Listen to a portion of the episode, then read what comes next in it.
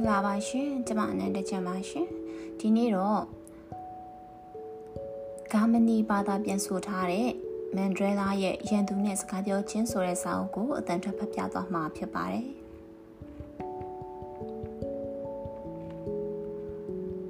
ပထမဆုံးအနေနဲ့အမှားစာကိုဖတ်ပြချင်ပါတယ် မန်ဒလာဤရန်သူနှစ်စကားပြောခြင်းဘာသာပြန်စာအုပ်လေးအတွက်အမှားစာရေးပြီးရင်ကိုတန်းအတွက်အကူအညီတောင်းလာသည့်အခါကျွန်တော်အနေနဲ့ဝမ်းသာစွာဖြင့်လက်ခံခဲ့ပါသည်အပဲကြောင့်ဆိုသောဤစာအုပ်လေးသည်မျက်မှောက်မြန်မာပြည်ဤပြဿနာများကိုကင်တွယ်ဖြေရှင်းရာတွင်တနည်းမဟုတ်တနည်းနည်းနှင့်အထောက်အကူဖြစ်စေနိုင်မည်ဟုယုံကြည်သောကြောင့်ဖြစ်သည် ANC ကောင်းဆောင်မန်ဒရလာနောက်ဆုံးအကြိမ်အကျဉ်းချခံရသည့်1962ခုနှစ်ကာလသည် ထိုကာလဤစကားအရအရှိလေဤတိုက်ခတ်မှုပြင်းထန်နေသောကာလဖြစ်သည်ဖက်စစ်ဆန့်ကျင်ရေးနေချက်ဆန့်ကျင်ရေးအမျိုးသားလွတ်မြောက်ရေးအသားအရောင်ခွဲခြားမှုဆန့်ကျင်ရေးတိုက်ပွဲများပြင်းထန်နေခဲ့သည်ထိုတိုက်ပွဲသူရဲကောင်းများဤအဖြစ်အပျက်ပုံရိပ်များသည်ထိုခေတ်လူငယ်နိုင်ငံရေးသမားများအပေါ်ရိုက်ခတ်မှုကြီးမားခဲ့ပါသည်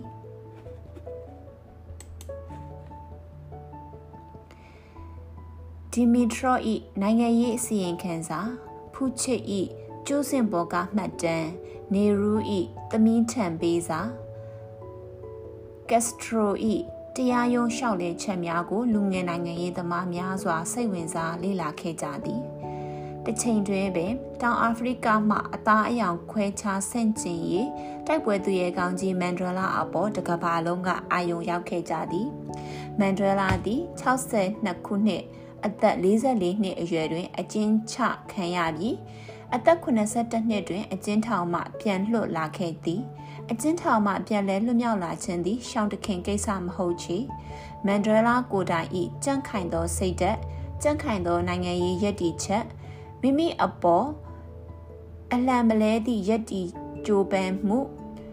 ANCE လက်နက်ကင်တိုက်ပွဲတောင်အာဖရိကလူမဲထုဤစီယုံတိုက်ပွဲဝင်မှု အနောက်နိုင်ငံ၏ဖိအားပေးမှုစသည့်အကြောင်းအချက်များသည်အရေးပါသောနေရာတွင်ရှိခဲ့သည်တောင်တောင်အာဖရိကတွင်မန်ဒရလာလွတ်မြောက်လာခြင်းတွစ်ဆုံဆွေးနွေးရေးအဖြစ်ပေါ်ပေါက်လာခြင်းသည်လူဖြူအစိုးရ၏အမျှော်အမြင်ရှိမှုမှအစပြုခဲ့ခြင်းမဟုတ်ချေပြည်တွင်းပြည်ပပြင်းထန်သောဖိအားကြောင့်ဖြစ်သည် ANCE မလျှော့သောဇွဲတတိနှင့်တိုက်ပွဲများပြည်သူလူထု၏မလျှော့သောဇွဲတတိနှင့်တိုက်ပွဲများသည် ဒီကလပ်လူဖြူအစိုးရကိုစပွဲပေါ်သို့တွန်းပို့ခဲ့ရာကအနှစ်အရသာရှိသည့်တွဲဆုံဆွေးနွေးပွဲများဖြစ်ပေါ်လာခဲ့ရမှနိုင်ငံရေးအပြောင်းအလဲများကိုလူထု၏စံတားနှင့်အညီလှုံ့ဆော်နိုင်ခဲ့ကြသည်မန်ဒရလာနှင့် ANCE ကြိုးပမ်းမှုရက်တည်မှုကိုကြည်လင်မန်ဒရလာကလက်နက်ကင်တော်လှန်ရေးသည့်အကြမ်းဖက်မှုမဟုတ်ကြောင်းအကြမ်းဖက်မှုသည်အာဏာရှင်အစိုးရတို့၏အမှုအကျင့်သာဖြစ်ကြောင်းရှင်းလင်းညွှန်ပြခဲ့သည်။ 1990ခုနှစ်ဖေဖော်ဝါရီလ2ရက်နေ့တွင် လူဖြူအစိုးရတမဒဒီကလပ်ကပါလီမန်အစည်းအဝေးတွင် ANC PAC SAC အပါအဝင်မတရားအသင်းကြေညာထားသည့်အဖွဲ့32ဖွဲ့အပေါ်မတရားပိတ်ပင်မှုများကိုရုပ်သိမ်းခြင်းနိုင်ငံရေးအကျဉ်းသားများအားထောင်များမှလွှတ်ပေးခြင်းတည်တံပေးမှုများကိုစိုင်းထားခြင်းမတရားအမိတ်အာဏာများကိုရုပ်သိမ်းခြင်းပြုလုပ်ကြောင်းကြေညာခဲ့သည်။ တောင်အာဖရိကပြဿနာကိုဆွေးနွေးဖြေရှင်းရန်အချိန်ရောက်လာပြီခုလည်းအတိအလင်းကြီးညာခဲ့သည်ဤသည်မှာတောင်အာဖရိကတွင် အပြုသဘောဆောင်သည့်အလှည့်အပြောင်းသို့ဆိုက်ရောက်ခြင်းဖြစ်သည် ခုနှစ်ရက်အကြာဖေဖော်ဝါရီလ9ရက်နေ့တွင်မူဒီကလပ်ကိုယ်တိုင်မန်ဒရလာနှင့်တွေ့ဆုံနှုတ်ဆက်ပြီးနောက်တစ်ရက်တွင်မန်ဒရလာကိုအကျဉ်းထောင်မှလွတ်မြောက်မည်ဖြစ်ကြောင်းပြောကြားလိုက်ရာကမန်ဒရလာလွတ်မြောက်လာပြီးအပြုသဘောဆောင်သည့်နိုင်ငံရေးဆွေးနွေးပွဲများတစ်ဆင့်ပြီးတစ်ဆင့်ပေါ်လာပြီးနောက်ဆုံးအနေနဲ့တောင်အာဖရိကနိုင်ငံ၏နိုင်ငံရေးအပြောင်းအလဲကိုဖြစ်ပေါ်စေခဲ့လေသည်မန်ဒရလာထောင်မှလွတ်မြောက်လာစဉ်သူ၏အသက်မှာ82နှစ်ရှိပြီဖြစ်သည်။ ထောင်မှလွတ်မြောက်လာပြီးနောက်သူ၏ပထမဆုံးသောမိခွန်း1990ဖေဖော်ဝါရီလ17ရက်နေ့တွင်ခမည်းတော်ရဲ့မလျှော့တန်းဆွလွတ်မှုတွေနဲ့သူရဲကောင်းပိတာအနစ်နာခံမှုတွေကကျွန်ုပ်ကိုဒီနေရာရောက်လာစေတာဖြစ်တယ်။ဒါကြောင့်မို့ကျွန်တော်ဘဝတသက်တာရဲ့ ကျွင်းကျန်နေသေးတဲ့နှစ်ကာလတွေကိုခမားတို့လက်ထက်အပ်ပါတယ်ဟုပြောကြားခဲ့သောစကားများသည်တောင်အာဖရိကပြည်သူများကိုသာမကကမ္ဘာပြည်သူများကိုလည်းကြီးစွာရိုက်ခတ်စေခဲ့သည်ယခုအခါမြန်မာပြည်ရှိလူမျိုးပေါင်းစုံများ၏အာဏာရှင်ကြီးစိုးမှုဖျက်သိမ်းပြရေးလူမျိုးကြီးဝါဒကြီးစိုးမှုဖျက်သိမ်းပြရေးတိုက်ပွဲကြီးသည့်အလွန်အရေးပါသည့်အပိုင်းသို့ဆက်ရောက်လာပြီးဖြစ်သည် ဤအခြေအနေတွင်မန်ဒရလာကို၎င်း ANC နှင့်အခြားတော်လှန်ရေးအဖွဲ့အစည်းများကို၎င်းအာဖရိကပြည်သူများကို၎င်းလေးလာအတူယူတင်သည့်အချက်များစွာရှိပါသည်တစ်ဖက်မှာလည်းနာအာဖစစ်အာဏာရှင်များအနေဖြင့်ဂုံတိတ်ခါရှိသည့်ထွက်လန်းကိုရွေးချယ်မည်ဆိုပါကဒီကလပ်အစိုးရ၏ရဲရင်သောအပြုသဘောခြေလှမ်းများကိုလေးလာအတူယူရန်လိုမည်ဖြစ်သည် ထို့ကြောင့်ဤဘာသာပြန်စာအုပ်လေးသည် ကောင်းကျိုးပြုလိုသူများအတွက်တနည်းမဟုတ်တနည်းနည်းနဲ့အထောက်အကူပြုစေနိုင်ပါကြောင်းဖော်ပြလိုက်ရပါသည်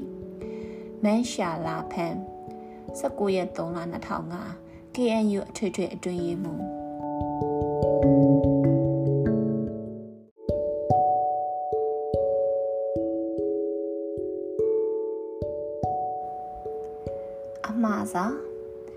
မန်ဒရလာကိုကျမစိတ်ဝင်စားဆုံးအချက်ကထောင်ထဲမှာ29နှစ်နေနိုင်တဲ့အချက်ပဲကျမထောင်ထဲမှာ၄နှစ်ခန့်နေနေခဲ့တုန်းကတနေ့တနေ့ကိုရှည်ရှည်လျားလျားကြော်ဖြတ်ခဲ့တယ်ပညာမရစာမရေးနိုင်စာမဖတ်နိုင်ပဲအခန်းကျင်းလေးထဲမှာအလဟတ်တဲ့အချိန်ဖြုံးခဲ့ရတယ်အချိန်တွေရက်တွေလတွေကစားစားပြီးဖြုံးပစ်နေရတယ် ပြန်မရတဲ့အချိန်တွေတနေ့လွတ်မှာပဲဆိုတဲ့မျောလင်းချက်ကကျမတို့ကိုခွန်အားတွေပေးခဲ့တယ်အသက်ရှင်စေခဲ့တယ်မန်ဒရလာကဒီလိုအချိန်တွေကိုစာရေးတယ်စာဖတ်နိုင်တယ်အချင်းချင်းဆွေးနွေးနိုင်တယ်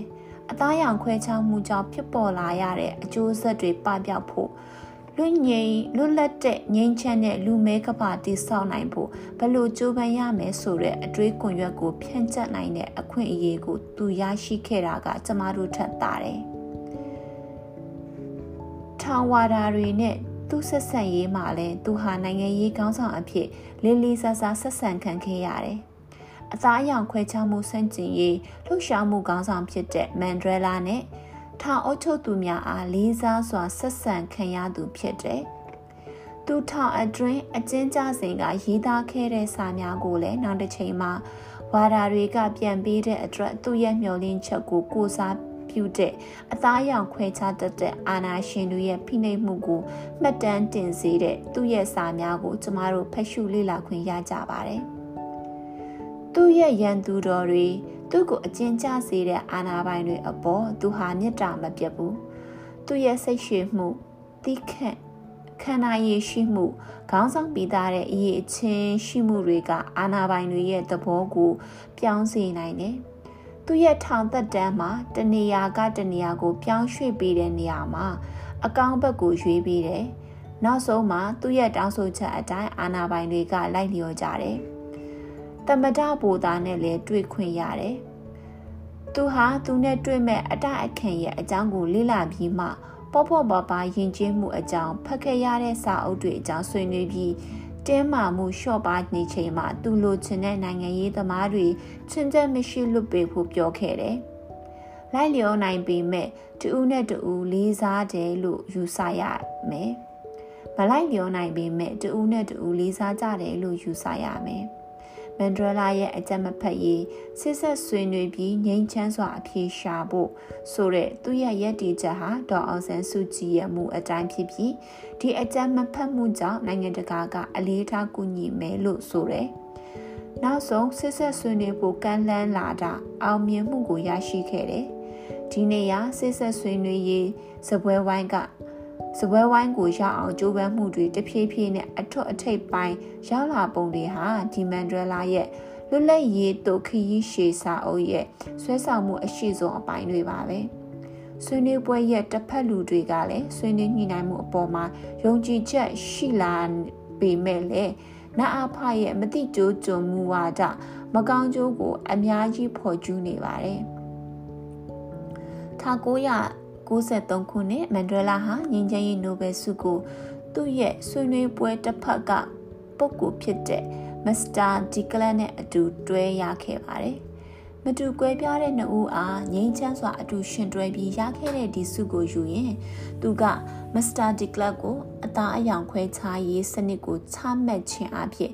တိုင်းပြည်နဲ့ပြည်သူလူထုအပေါ်ဆိုးဆိုးဝါးဝါအမားကြီးကျူးလွန်ခဲ့မိပြီးဆိုတာကိုဝန်ခံဖို့သူဟာတတိရှိခဲ့တယ်။ပြည်သူတွေအားလုံးဟာရှေ့ဆက်ဆွေးနွေးမှုတွေကနေတဆင့်ဒန်းတူဆွေးနွေးဘက်တွေအဖြစ်နဲ့မိမိတို့အနာဂတ်ကိုမိမိတို့ဘလို့လှုပ်ချင်တယ်လဲဆိုတာအတူတကွဆုံးဖြတ်ပြတန်းရေးကိုနားလေသဘောပေါက်တဲ့အမျှော်အမြင်သူ့မှာရှိတယ်လို့ချီးကျူးဂုဏ်ပြုခဲ့တယ်။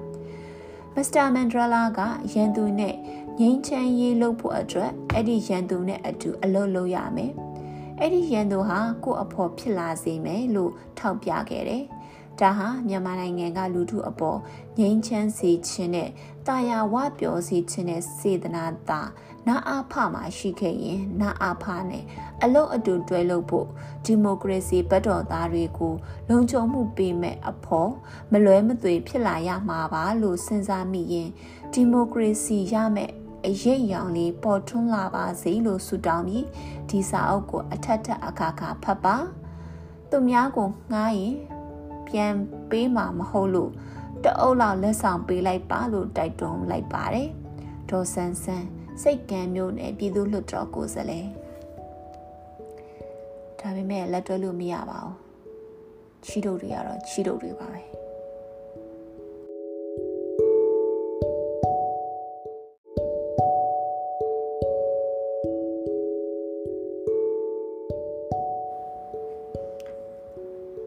ပြန်သူစကားနယ်ဆန်မန်ဒလာဟာ1962ခုဩဂုတ်လ9ရက်နေ့မှာတောင်အာဖရိကလူဖြူအစိုးရရဲ့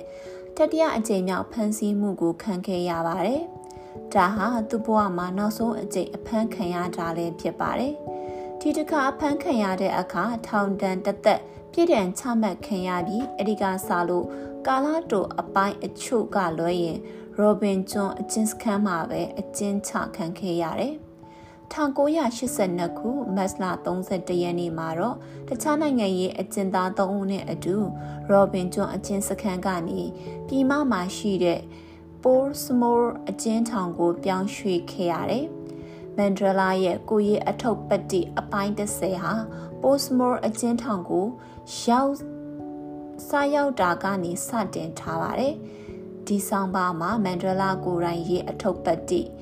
လွတ်လပ်ရေးသို့ခရီးရှည်စာအုပ်ရဲ့နောက်ဆုံးနှခမ်းဖြစ်တဲ့အပိုင်း30ရန်သူနဲ့စကားပြောခြင်းနဲ့အပိုင်း7လွတ်လပ်ရေးတို့ကို အပြည့်အစုံဘာသာပြန်ထားပါတယ်။ဒီစာအုပ်ဖတ်ပြီးရင်ရန်သူ